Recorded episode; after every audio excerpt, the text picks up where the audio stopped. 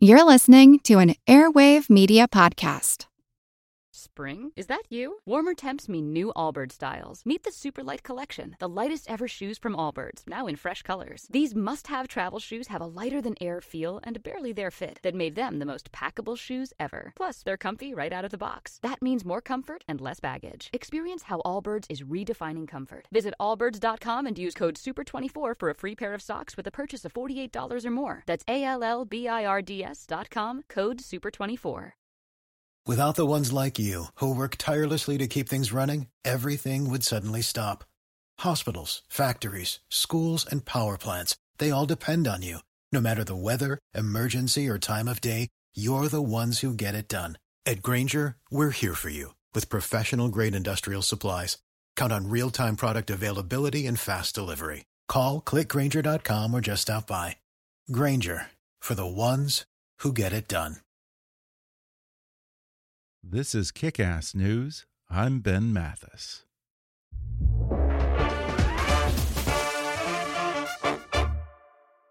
Contrary to what you may have heard, the middle class is not dying and robots are not stealing our jobs.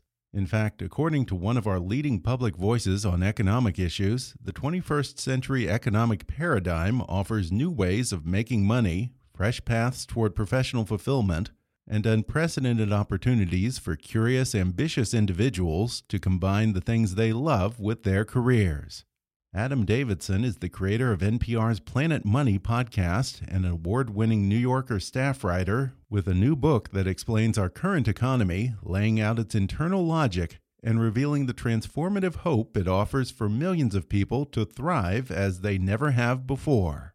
The book is called The Passion Economy The New Rules for Thriving in the 21st Century. And today, Adam Davidson joins me on the podcast to talk about it. He describes his father and grandfather as examples of two different approaches to work and money and says we're now entering an economy that combines the best of both. He explains how to tell between a hobby and a passion, how globalization and the internet allow you to monetize that passion like never before, and why it's important to have what he calls the Goldilocks of business models, lest you get undercut or replaced by bigger companies, foreign competition, or automation. Plus, he shares some surprising examples of people who are making the passion economy work for them, including one man who only sells to the Amish, a brush company that took the most basic of products and turned it into a high priced specialty item for NASA, and an accountant who found his passion by helping others pursue their own. Coming up with Adam Davidson in just a moment.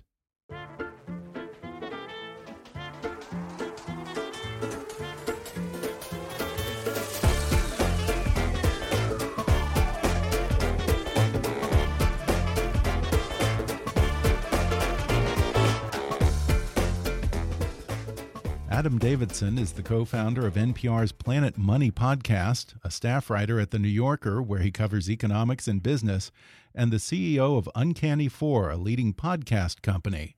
He has won many of journalism's most prestigious awards, including a Peabody for his coverage of the financial crisis, and now he's out with a new book titled The Passion Economy The New Rules for Thriving in the 21st Century. Adam, welcome to the podcast. Thanks so much for having me on. Well, I really enjoyed this book. It's a fascinating read on how to sort of bolster ourselves against everything that's happening with automation and AI and free trade and so forth.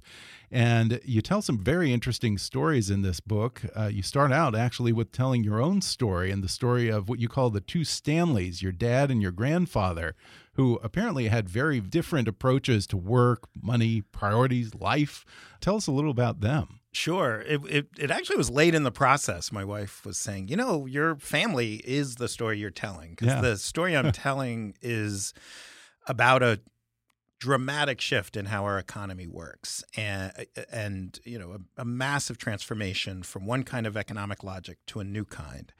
And that has caused a lot of pain and fear, obviously. It's but it also has a lot of positive uh, attributes, things that you can take advantage of to succeed in ways no one else ever succeeded. And to tell that story, I do start. So my my grandfather Stanley Davidson was like the if you just imagine the the perfect American man for the 20th century. Just Yeah. this tall, strong. I really always truly thought he looked like Superman. he had big, thick head of black hair into into his 90s, um, and he uh, in the Depression um, found himself at 18 with a wife and a baby on the way, and needed a job.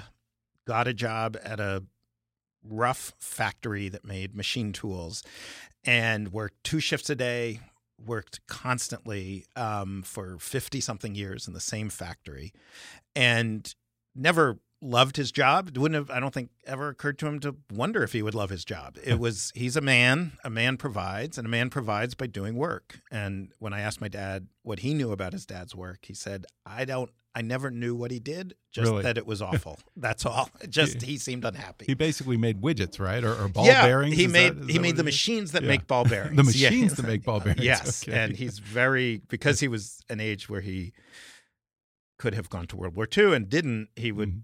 You know, always had the saying, "You can't fight a world war without ball bearings." He wanted to be clear; he was part of the effort.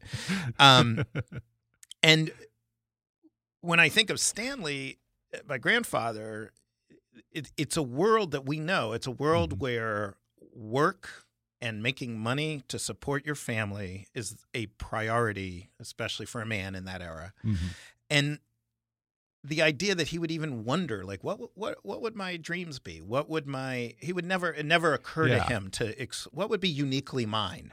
Yeah. And then this little baby is born in 1936 and eventually becomes my dad. And in blue collar, working class Worcester, Massachusetts, my dad was just a terrible fit. My dad was a passionate weirdo who wanted to perform and wanted to tell jokes and never wanted to have some crappy job he didn't love. And eventually my dad decided he wanted to be an actor. And to Wow. his father, it what are you talking about? That is Right. insane. like we know we've never met an actor. No one in the family had ever seen a play. Like no one it, it's it- you know, I it- why not say I want to be a butterfly? I want to, you know, I want to be a fairy who flies to the moon. Um and my dad knew when he decided to be an actor in the early 60s that that choice meant he would not be financially secure, that following his passions meant veering away from his father and not providing for his family. And I grew up in um, subsidized housing for artists in Greenwich Village in New York. And my, it's not, we weren't desperate, but we, money was a constant worry in Mhm. the house I grew up in. And Wow. like, you know, like many just kind of working actors. And my dad Yeah. was a Yeah. The successful starving working- artist, or the the, not quite art- star- not- starving artist. but but not Yeah. thrive like not secure right. and he and my dad would tell us as a kid like you can either make money or you can follow your passion Huh. and i think that was true then but the point of my book now is that because of this transformation in the economy now you actually can do both you can be Yeah. both of the stanleys my dad goes by jack davidson but his real name is stanley jack davidson like his dad and you can follow your passion and make money and provide for your family. And I would argue increasingly you actually have to, that this Mhm. economy does not reward people like my grandfather who are just willing to work hard at a job they don't like and just do it. That's not as good a recipe for success as finding out what makes you uniquely you, how do you fit into this economy. And it doesn't mean you get to do whatever you want. I mean, you have to you know, you have to combine both the passion of my dad and the practicality of my grandfather. Yeah. Now, why are we transitioning to a passion economy? Is it automation and AI? Is it China? What are the forces at play here? Um, you literally just name them. Yeah, it's it's computerization, automation, it's global trade, particularly China outsourcing. The the way I would frame it is the way I think most people think the world works, like our, our frame of, oh, that's how an economy works, is actually just a tiny blip in human history. Interesting. The, the industrial revolution fueled corporate century of the 20th century is created a whole bunch of conditions that are utterly unlike anything that had ever come before. You know, before Mhm. 1900, the vast majority of people who've ever lived are farmers, subsistence farmers. Mhm. You know, there's Small obviously artisans, small kind of thing. artisans, work- cobblers, cobblers working in a local Yeah. environment. There's an extremely tiny. I mean, we're talking about you know one one thousandth, one ten thousandth of the population that would look like entrepreneurs or international trade practitioners, but the bulk of human activity, the bulk of products are made by subsistence farmers and small Mhm. artisanal craftspeople serving people within a short walk of their shop. And then, you know, there's a tiny elite of aristocrats and priests and military and stuff, depending on the time and the place, who are living off the meager surplus created by the farmers. And then the Industrial Revolution, the kind of technical stuff starts happening in the 1700s, but it's really the late 1800s that you start seeing the fruits, like you or or the poisons. I mean, it's good and bad. Um, you start seeing, you know, cities getting really big, businesses getting really big. You start seeing, for the first time in human history, a single institution that's run by a small group of people, and that tens of thousands, even hundreds of thousands, eventually millions of people work for, like Walmart and General Motors and Right. Ford right? The rise of the company man. the rise of the company man and that's brand new if you look past you can see hints of it in you know military maybe the catholic church but they're very decentralized because they had to be there was no telegraph no no rail so a general really ran his little platoon it wasn't like rome is controlling the entire roman army or the Mhm. pope is controlling everything in the way Yeah. that say the leadership team at Procter and Gamble in Cincinnati is controlling the global activity of Procter and Gamble. hmm And that was in my mind a kind of double-edged sword for human beings. It brought the the widget century as I call it in the book, this century fueled by mass production of of of products, you know, ivory soap, Snickers bars, whatever, Ford motor cars, Right, right. Um, All the bounty of America. all the bounty of America, it it um the benefit is you suddenly had a huge percentage of the population buffered from the marketplace, buffered from weather. You got a job like my grandfather did, and you didn't have to know each morning like did it rain too much last night or is the price of metal gone up or you just right. had a it's salary relatively stress free. very stress free. And and this idea of a salary, the idea of a career path, hmm The a very- pension and a all that. all of that. Right. The idea that over time you'll make more money would have been a shocking idea to most people who've ever lived. the idea that people in their 40s make more than people in their 20s or that kids make more money than their parents and the parents made more money than the grandparents. That's a Mm-hmm. new idea. Most of human life is fairly flat within an individual's life cycle, but over you look at farmers in ancient Assyria 4000 years ago, their lives are pretty much like a farmer in medieval France, say. Mhm. There's very little movement. Interesting. And then very quietly at first and then rather loudly that system breaks apart and um, global trade starts becoming a big issue in the 70s increasing in the 80s but really when china joins kind of the global economy in the early 2000s as a full member that really transforms the world china alone brought as many people as all the previously industrialized um, countries combined. So it like doubled the Huh. global workforce, and um, and then automation. You know, starting with simple simple computers, but eventually you know robotics. You um, uh, factory machinery. I mean, the machines that make ball bearings now.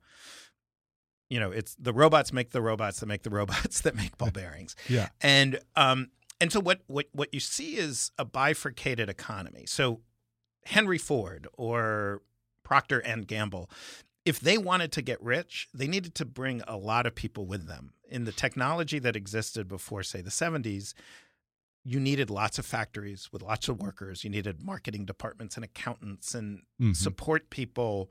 So it was the rising tide kind The of thing. rising And, tide, You and know, and Henry Ford uh, gave them a wage that people had never heard of in that day Yeah, because he wanted them to buy. Model Ts. Yeah, stuff, exactly. And create a middle class. and create a middle Yeah. class exactly and so as that starts falling apart the rich are still getting richer the big companies are still getting bigger they just don't need workers as much and they don't need to value those workers as much because they can either automate their work away or they Mhm. can go to another country and hire them and so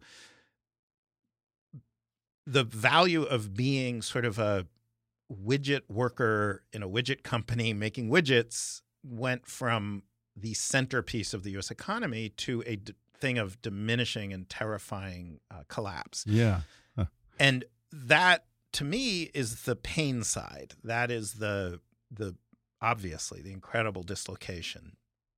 The positive side though is we all now and it took a while have access to those tools of automation, of global trade, of the internet. And that allows us to do something that was an extremely complicated process before, which is just to match what we have to give to the people who most want it, even if they're thinly spread all over the world. And that's the transformation that has the potential to be a wonderful tool for, and as you said, I tell the story of lots of people in the book who figured that out. I know that you're, you're from Brooklyn, so no offense, but when I think passion economy, I think of you know some hipster who's an 18th century cobbler who's making you know artisanal footwear for you know people who have 600 700 dollars to spend on shoes artisanal bread making that kind of thing I remember in Brooklyn, artisanal beef jerky became a big thing a few years ago. Yeah, and I probably could Yeah. like fill the Titanic with uh, pickle makers, Yeah. like uh, you know, modern hipster pickle makers. Yeah. is the passion economy more than just the hipster market yes, absolutely. I mean, I, I I don't really have many people who fit that bucket in my book, Okay. and um, I I think um, the passion economy is about finding a way to do a job that only you can do. Mhm. And so in the book, I, you know, one of my kind of heroes is this accountant and who just figured out yeah how to change the way accountants and their customers relate to each other in a way that was more explicitly about adding value and not just helping you pay your taxes. Um, I tell the story of some Amish manufacturers who who are solving the problem for other Amish people who want to farm with horses, and how do you create the the um, the plows and plow bodies that um, that support that? It's you know you. It, it also doesn't. I happen to tell mostly stories of entrepreneurs, but you can do it in a job. It, it, it, the the basic lesson applies. I I don't think I've found a a, a job or a s- industry where it doesn't apply, where you are articulating to the people who will give you money why you are able to do something other people can't do, Mhm. which of course is the opposite. So if my grandfather Stanley went into the company that made the machines that made ball bearings and said, "Oh, I got my own little way of doing it. Yeah. I have a unique passion," they would have been Yeah. like, "Shut up." Either work the line like we told you or get out of here. yeah But now it's a robot that's making those Mhm. machines. But if you can go and say, hey, I have a really unique take on marketing, and I think that you're missing out on some markets that I have an ability to reach, that starts to become an interesting Mhm. conversation because you're bringing something that they can't just type into a computer and and and program. So Yeah. I actually think that the standard, the Etsy model, the craft model, the boutique food model is actually it could work, but I find that's a very crowded space. It's a very Okay. difficult space to stand out. So it's it it if it's not one I highly recommend. Yeah. Yeah. And I have to say, it must be refreshing for you to write about people who are actually making this economy work because, as I recall, a lot of your writing has been fairly dark. Uh, you covered the economic impact of the Iraq War, the fallout of the Haiti earthquake, the U.S. financial crisis. Plus, these days, it seems like all financial news is so focused on the industries that are going to be doomed or the workers who are going to be left behind. Uh, you actually get to tell some pretty uplifting stories in this book. Yeah, that it, it was a massive departure because yes, you're exactly right. The vast majority of my career these last 20 years has been grim, dark, ugly news. And I don't I don't see it as, oh, but now I gave up on all that and I think Uh-huh. everything's wonderful and don't worry, all the problems are solved and I've figured it out. The passion economy will save us all. I'm not arguing that. What I'm arguing is we have a new logic and the logic can hurt and the logic can help. And and and I I and um and it is exciting. It is more pleasant to spend time on this story. On, on the positive side of the story because you're spending time with people. I mean, I I chose them carefully. These are people who are not, you know, children of the one percent who went to Harvard and inherited a billion dollars. Right. And They're these are unlikely success stories. these are unlikely success stories who are living not just they're not, and it also in the book they're not just people who are making money. This is not a book about how to become a billionaire. Mhm. Some of the people are millionaires, some are not, but they're all comfortable. They all have security. They all understand the value they're providing, who they're providing it to, in a in what I find a very beautiful way. Um, and and I do think that there are a lot of people who could have that life now who don't yet understand how to have that life, and that's Okay. what I hope I'm reaching.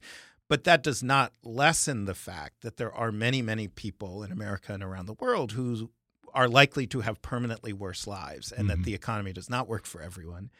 And so I don't, it's not like I'm now only going to write positive stories. I think it is a balance. um, I often think Right. There will be winners and losers, certainly. There will be winners and losers, Yeah, exactly. you're trying to encourage that there be more winners than losers with this. exactly. Uh, and let me ask you this: uh, How does someone find out what their passion is, and how do you know the difference between something that's just a hobby and a passion? Maybe you know you enjoy gardening, but that doesn't necessarily mean that you want to become a gardener.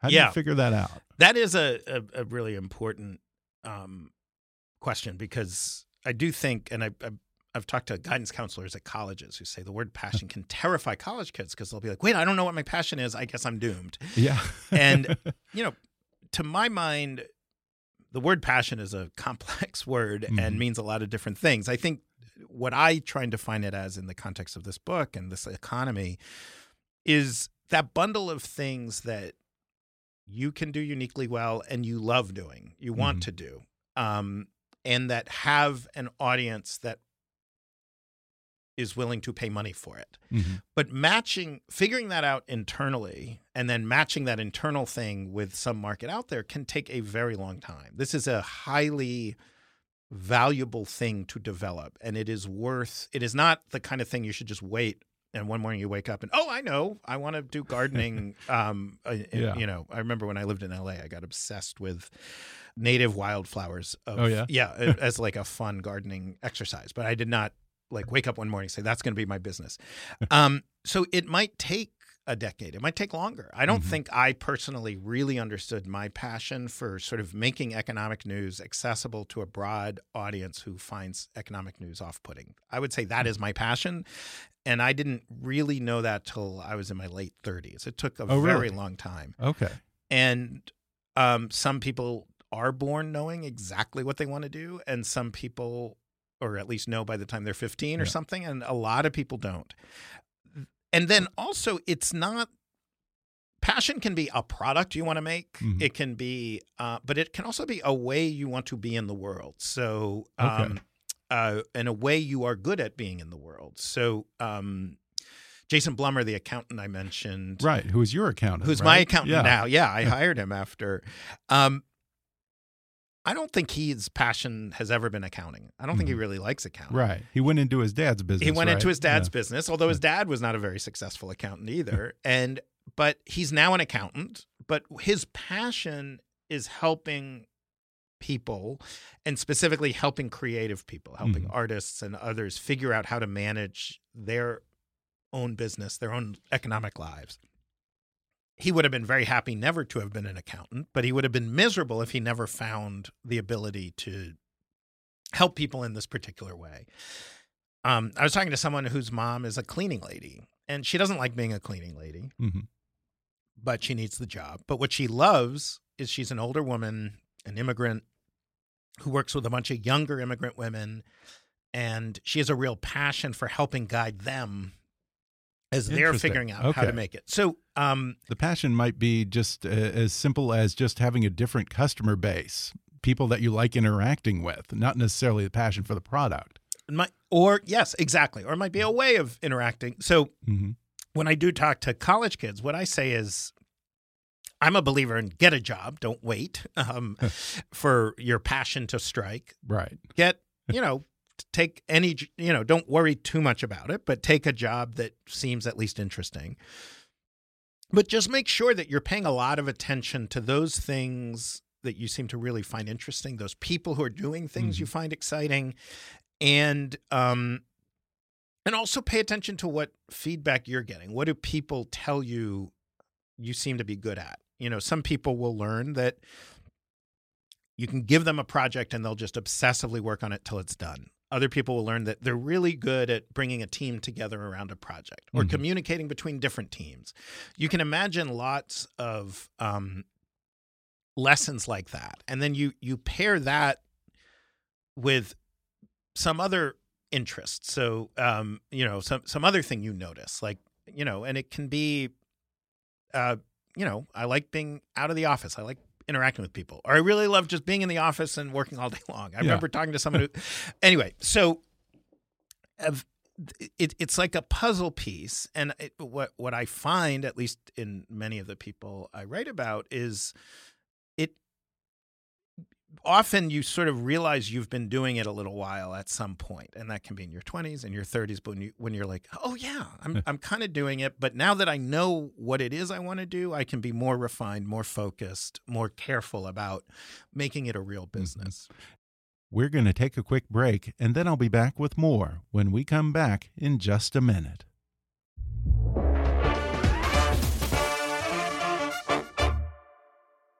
If staying on top of your budget and protecting your home are goals for this year, take a look at American Home Shield.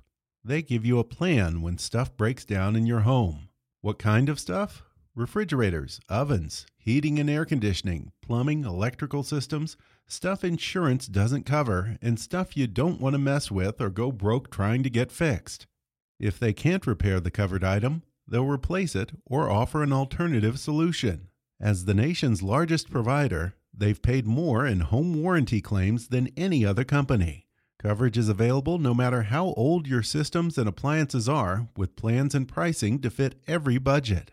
There's also a nationwide network of more than 15,000 licensed professional contractors so they can find the right pro in your area to fix your problem. Go to ahs.com/kick today to save $50 and start protecting your home and budget from inevitable breakdowns. ahs.com/kick. That's ahs.com/kick for $50 off any plan. American Home Shield. Be sure with Shield. Limitations and exclusions apply. See plan for details. Wave is a free, easy to use financial software that helps freelancers, consultants, and small business owners make, move, and manage their money, bringing them closer to financial success through accounting, invoicing, payments, and payroll. Just like Chris. Chris started his own business three years ago and has been using Wave ever since. He was never confident about the financial aspects of running his own business, but since discovering Wave, he was relieved to find a service that made invoicing and payments so straightforward. Wave's free accounting, receipt management, and invoicing tools give your business the professionalism it deserves.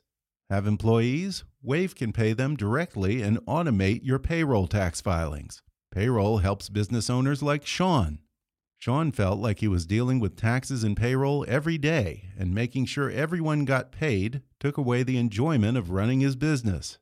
Having automatic deductions with payroll let him get back to what he enjoys doing most. I only recently started using Wave for my own accounting and invoicing needs. I was sick of the hassle of invoicing, chasing down clients for payment, juggling all those numbers. It's a headache, and honestly, who needs it? I just wanted to be able to focus on my business and producing my podcast. That's why I really loved Wave's easy to use accounting software. It's simple, it's intuitive, and you know what? It saves me time. In fact, now I'm using Wave for my payroll as well. The bottom line here is Wave simplified my life. And you know what? You can't put a price on that. But hey, Wave is free, so that's even better. It's time to ditch the Excel spreadsheets, shoeboxes with receipts, and lost invoices and start growing your business. Set your business up for financial success by signing up for your free account today at waveapps.com/kick. That's waveapps.com/kick. I just love some of the case studies that you get into in this book. You mentioned a moment ago the man who found a way to make a living by selling to a very specific customer base, the Amish. Now, just in my mind, I might not think that this would be a very good business model because hey, the Amish have limited disposable income. They probably want everything handmade, and just the logistical limitations of working with a customer who shuns modern conveniences like the internet and email. How did he make that work? Yeah, it isn't amazing, and it and it's such a lesson in the idea that even if your niche, your focus is really tiny, mm -hmm. if mm-hmm. you super serve that group, so there's about 320,000 Amish in the world. They're pretty much all in the US and Canada and less than 10% of them farm. So there's maybe 25,000 people who are in the market for horse drawn farm equipment. Huh. And this company, Pioneer Equipment, um, is uh, owned by Wayne Wengerd and his family, the Wengerds. It, it employs 50 people. It's a thriving, yeah. thriving business. The Amish and they're not Amish, is that right? They are Amish. Oh, they, they are, are Amish. Amish. Okay, they are Amish. I forgot. So the company has like four flip phones for um, emergencies, but okay. these are not people who are walking around with iPhones. Mm -hmm. They do use a very limited email. Um, but but it's very protected and and they can't get images they can't you know they have to follow very strict okay. rules um, so and they're serving a customer base that is very tiny that is spread all over in rural areas. And the typical amish farmer would be might make 30 grand a year. So mm. like if you went to you know some silicon valley investor and said hey i have identified 25000 people who make 30 grand a year live in the most remote corners of, of the country and don't use the internet or anything can you give i want to build yeah. a multi-million dollar business? It would seem absurd. Yeah. But even if you're making thirty thousand dollars a year, you you have a family who will lend you money. You might be able to get a bank loan. Some Amish do take bank loans, and if you're a farmer, you are going to have a few hundred thousand dollars in farm equipment. Multiply twenty five thousand by a few hundred thousand in farm equipment, and you quickly realize that you are talking about you know a multi multi million heading into the billions market. Um, huh. And now, you don't just get that market for free. You don't instantly get billions of dollars. You have to really engage that community and create products that they want. I have a lot of Amish friends, weirdly enough, and they are not given money for any frills. You have to truly yeah. create a product that is worth the money. So they, even though it's very difficult to communicate with their audience, they do travel a lot they they have actual Amish trade shows that are really fun to oh, go really? to. Yeah, you actually see ads. I didn't know that. There's like three or four different computer makers who target the Amish, and they, their promotions are how little their computer does. Like our computer doesn't have any pictures. Oh, our computer doesn't have the internet. Our yeah. Uh, uh, let me ask you this: Yes, it's a blessing, but doesn't all of this same technology and connectedness that makes this possible? Also make it easier for, say, someone in Southeast Asia to be able to take your idea and make it at lower cost?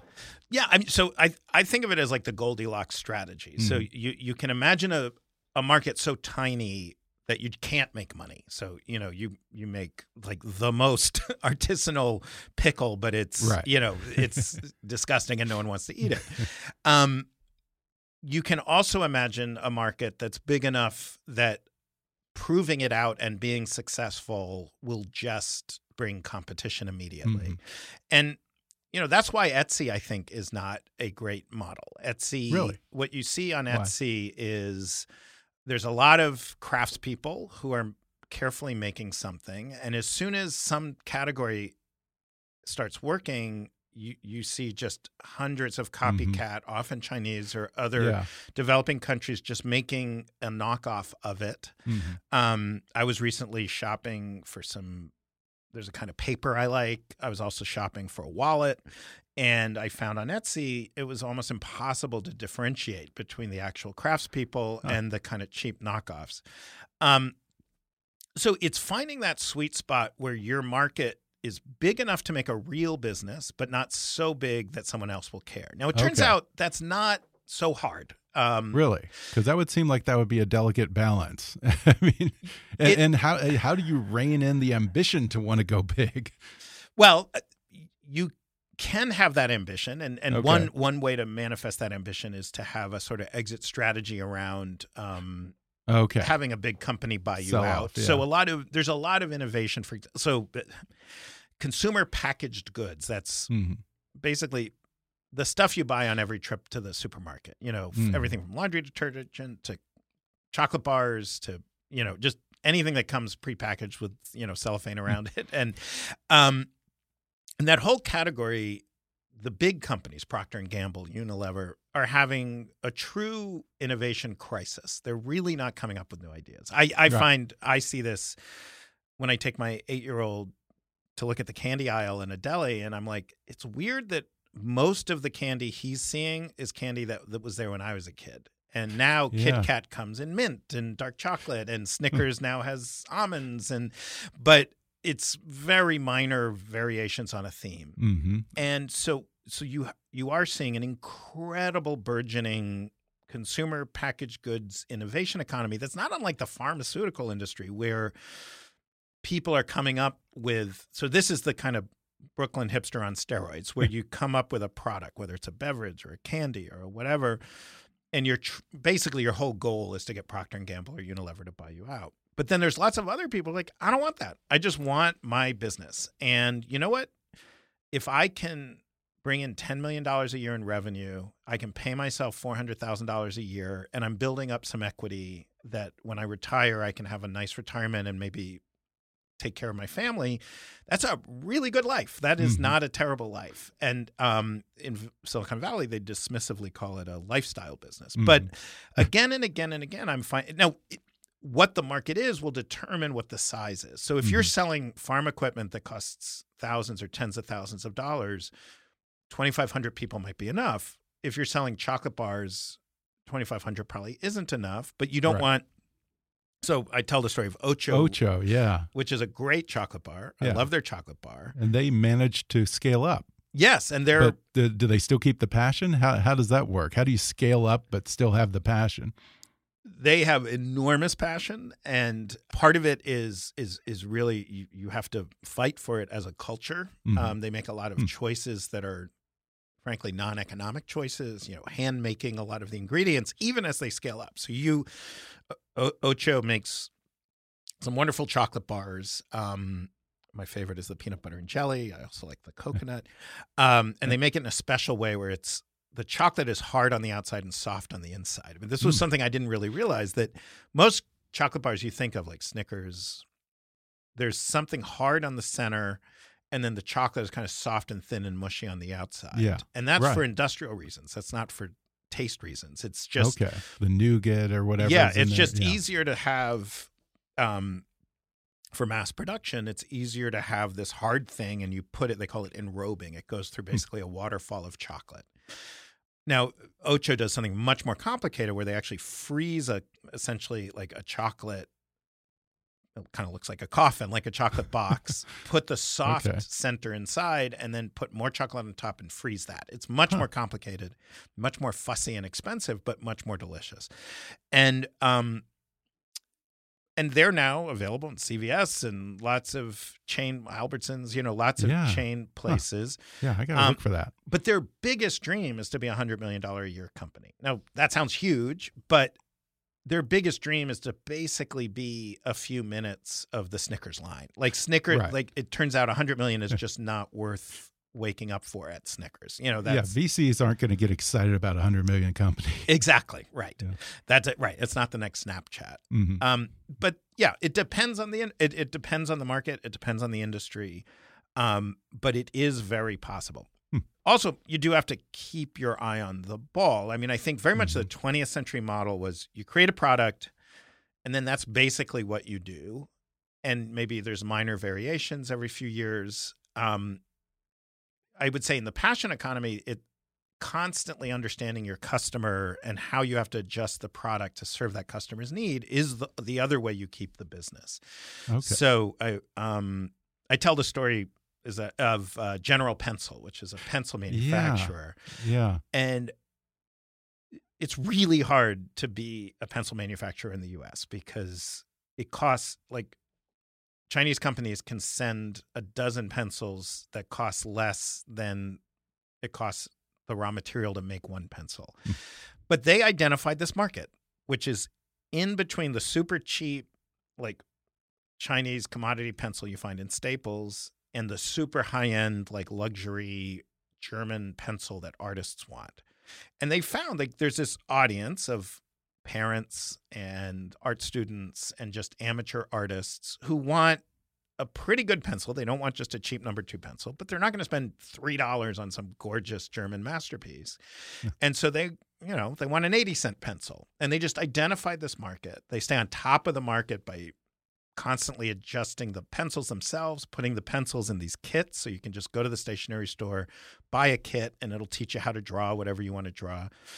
And they just stay in contact with that customer. And it's big enough that they're doing great, but it's small enough that you know, there's not going to be a, a, Chinese factory has to make a lot of pencils, fill up a container ship, send it by eh, sea to the U.S. They're not going to be able to stay on in that kind of relationship with that right. kind of customer. Right. You tell a couple of stories about uh, these 90 or 100 year old companies that have been passed down through the family and were going under because they were still operating a commodity business and they managed to transition into passion economy models.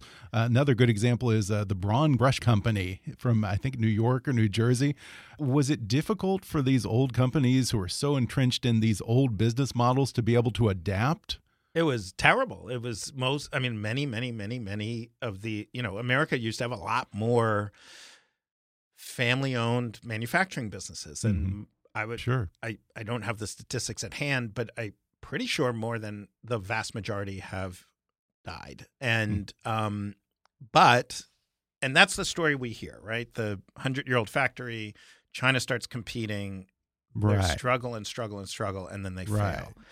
The ones who succeed realize that everything they did to get where they are no longer applies. That that the 20th century model. So this is Braun Brush. You're right. It's in Long Island, New York, and it's um, it was a family company that made brushes mostly for the food industry. Mm-hmm. Um, a pizza oven cleaning brush. They made special brushes for like chocolate shops that yeah. like beaver hair brushes that like are perfect for yeah. rubbing chocolate on pastries and stuff. Yeah, and they started out as milk brush company. Milk, yeah, yeah. clean milk bottle cleaning brushes. Yeah. Yes, um, and but like pretty much the entire U.S. economy, their focus was um, mass, you know, sell as many as you can to as many mm-hmm. people as you can. And right, so floor brushes, that floor brush, yeah, whatever, margin, margin, margin, yeah, as much volume as you can and then and that worked for 100 years. They did great. And then chinese companies started exporting much cheaper brushes. Same story we hear all the time. The finished brush is much cheaper than the raw material for the new brush. And the company was struggling struggling losing money every year looking grim. The owner max cheney um, and his son lance cheney would they, they got along very well, but they would always they would argue. And Lance would say, "We have to change everything. We have to change everything." And his dad would say, "No, it's worked for hundred years. It'll be fine." Max died at work.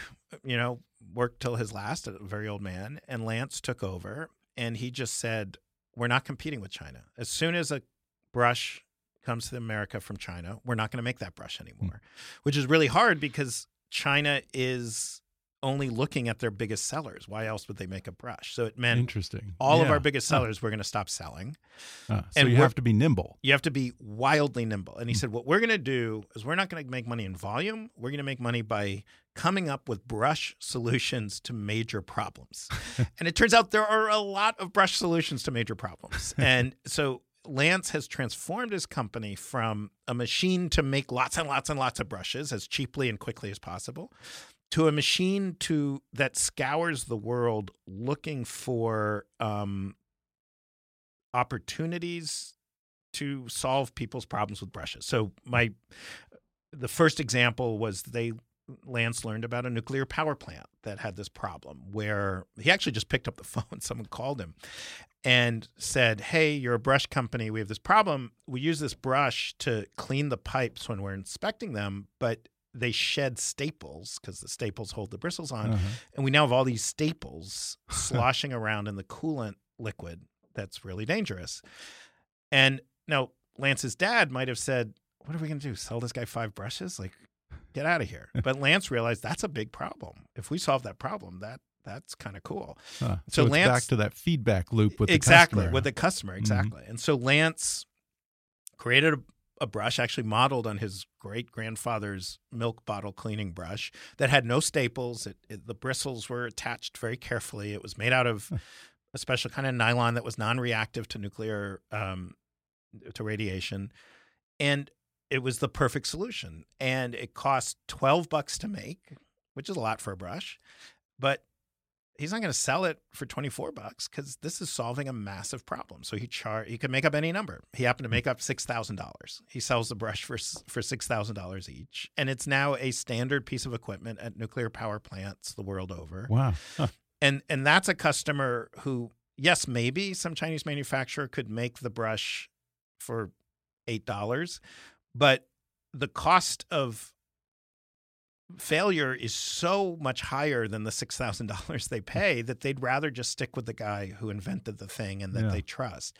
He created. He learned that NASA was building these Mars rovers and that they were having a problem that the Mars rovers go to um, inspect rock. The if there's dust on the rock, it gets in the way, and so Mhm. he created a very specialized brush that cleans away the the dust from the rock when the rover inspects them. Now, Oh this- wow. Now, Mars is a very hostile environment, gets very hot, then gets very cold in the same day. Um, obviously, it has to be very light, so it has to be very durable, it has to last. Um, and so he now has two brushes on Mars, on two Mars Wow. rovers, which is pretty cool. And, you know, the price for that is not going to be like, what what they used to call or still call cost plus like oh it Mhm. cost me $10 i'm going to charge 20 it's whatever you want because you are the only guy who can solve this problem and the problem's Right. a big big big problem Huh. And it occurs to me right now that, you know, you're a podcaster, I'm a podcaster, and podcasting seems to me like a great example of the passion economy at work. Uh, You know, anytime I talk to people who are thinking about getting into the business, I always tell them that this is a medium that rewards passion. You don't have to be some big celebrity with an incredibly broad show. Some of the most popular podcasts are very niche, something like uh, 99% Invisible, which is entirely a design podcast.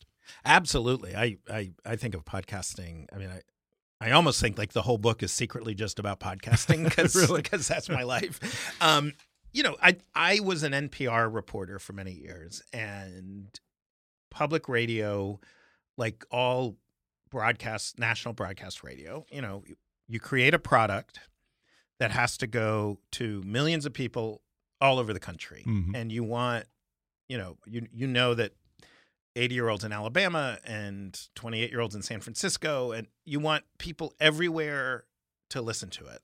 Right. And there's only about what, three or four hours out of the day that people are really listening Exactly. anyway. So, exactly. yeah. So it's it's morning edition and all things considered. In that case, Mhm. morning and drive time. And so you create kind of like ivory soap. You create, you know, I love NPR. It's a very valuable service, but even the people who love NPR the most know it's there's a kind of not passion is not necessarily the word you would use. There's a very calm, comfortable way of talking Yeah. and a sort of general like it's for everybody and therefore for nobody kind of feel to it. And podcasting is a totally different experience. When and and so I think of broadcast radio is a good metaphor or good example of the 20th century model. You know, Mhm. ivory soap is made in a factory and then shipped everywhere. Coca-Cola, it's the same flavor even in, you know, rural China and, you know, and and Los Angeles. Um, it's the same thing for everyone. You need everyone to like like it enough to buy it, but Mhm. but you know, I'm sure there are people who are fanatics for Coca-Cola and Ivory, but for most of us, it's just part of the universe, and we just Yeah. accept it. but and and much like broadcast radio, but podcasting, each person is programming their own radio station by actively selecting what they're going to listen to and even though it's a f- fairly you know it's free and quick and easy it's still an active engagement that's very Mhm. different from passively turning on the radio Yeah. you can also pause them, you can rewind them, you can fast forward them, you can stop listening. Right. Um, and it has completely transformed the world of audio. Um, when I got into radio in the early 90s, it really was a lot like joining the post office. Like it people certainly in public radio, like once you pass a few hurdles and get your first job, you're pretty much safe bet you're going to retire at 65. You're a lifer. Yeah. And you probably know how much you're going to make. Like, Mhm. you know, you you if you work at a local station, you know, you'll make this much. If you get to the network, you'll make a little bit more. But you're never going to get rich. You're never going to go broke. It's all solid and safe. And then podcasting comes along and it's spiky and confusing and there's so much of it. But so many people find their shows. And I bet if you and I looked at each other's devices, we'd see that there's a handful of shows we both love and then a ton of shows you love that I've never heard of and vice Sure. versa. Yeah.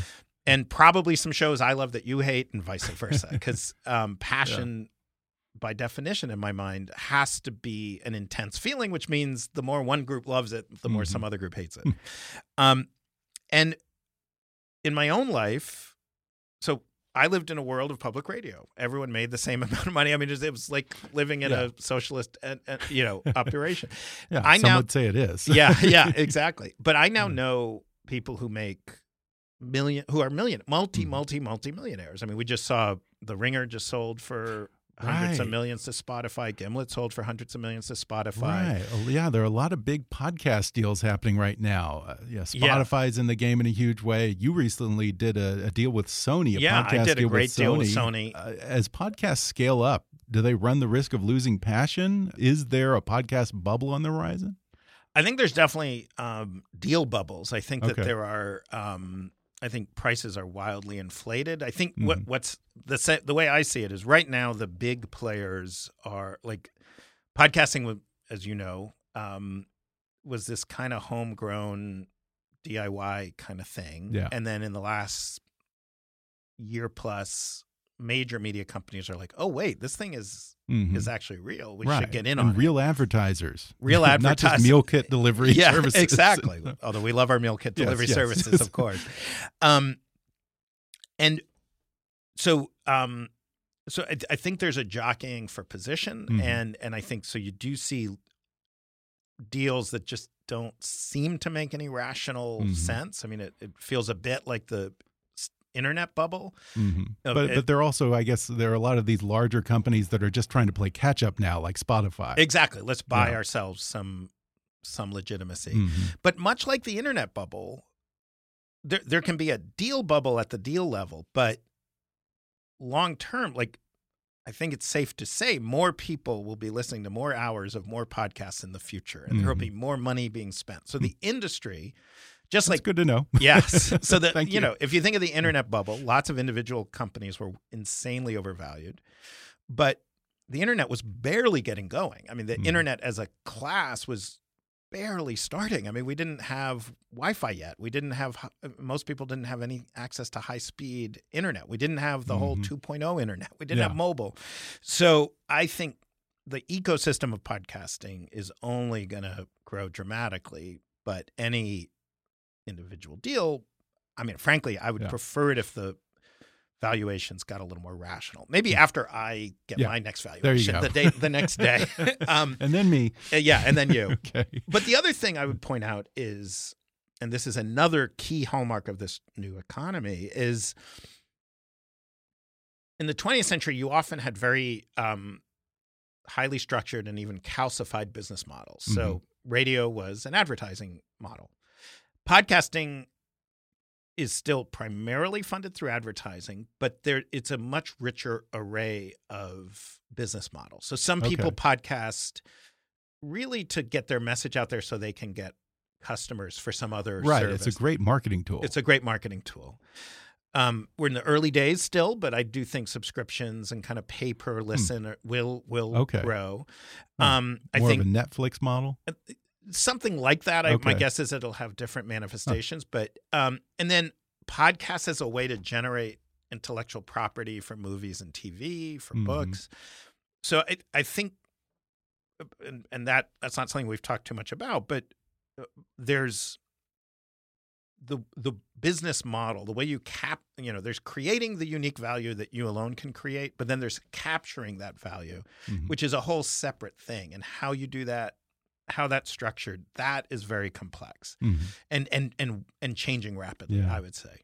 Well, before we go, I'm curious on the macro level. do you see the passion economy as the kind of thing that might just save a few forward thinking entrepreneurs while the rest of us get automated out of existence? Or is it maybe even the kind of economic revolution that could have a much larger impact, maybe even boost the GDP? So, my view on this is like, I'm not advocating for the passion. I'm not like, oh, mm -hmm. we mm-hmm. don't have the passion economy, but I wish we did. Yeah. What what I feel I'm doing, obviously I could be wrong, is I'm describing what is happening. Okay. And so in a sense, I I make the analogy to the shift from uh, agriculture to the industrial revolution, which is to say, yes, there were early industrial pioneers who became very, very rich, mm -hmm. but eventually it was no longer a choice. It wasn't like, oh, should I get into the industrial revolution or should I stay in farming? Like it's right. You're right. It's an existential even the Amish. Choice. Yeah. Who made the most? We're going to stay in farming. Are still part of the industrial revolution. so I think the passion economy is here. The rules are different, and understanding the rules, you'll do better. I also think it's not a switch where either you're 100% passionate or 0%. I think you can apply you can understand the rules and apply a you know make your life 6% more passionate then next year make it 12%. Um, so I do think that the basic idea that being a cog, a widget, a cog in a widget mm-hmm. making business is a bad forward looking strategy. Yeah. I think is is just only going to is true and will only get truer and that identifying those things that are uniquely that you uniquely can bring. Now that doesn't mm-hmm. mean you have to be Elon Musk. That can mean you're the janitor who really motivates other janitorial staff. You know, okay. this can ha- this can operate at levels where we're not talking about wild wealth and mm. entrepreneurship. Mm. We're talking about just being a little more mindful of, huh, I seem to be adding this extra value. And then it's huh. figuring that out. Then it's articulating it to your boss. So you say, hey, have you noticed that the shifts I'm on, we get everything done faster and you have fewer injuries because I'm a good leader? I think you should reward me. Yeah. Okay. And then if you have a boss who can't do that, maybe you start thinking about going to a different company. Mm-hmm. So I I, don't think it's a savior. I don't think I'm I'm certainly not predicting everyone's better off forever, but I do think the more people understand this and the sooner they begin to follow these rules, the better off they'll be. For sure. Well, it was such a great read. Again, the book is called The Passion Economy The New Rules for Thriving in the 21st Century. Adam Davidson, thanks for talking with me. Thanks so much. This was really fun. Thanks again to Adam Davidson for coming on the podcast. Order his new book, The Passion Economy The New Rules for Thriving in the 21st Century on Amazon, Audible, or wherever books are sold. Read his regular column in The New Yorker and follow him on Twitter at, at Adam Davidson.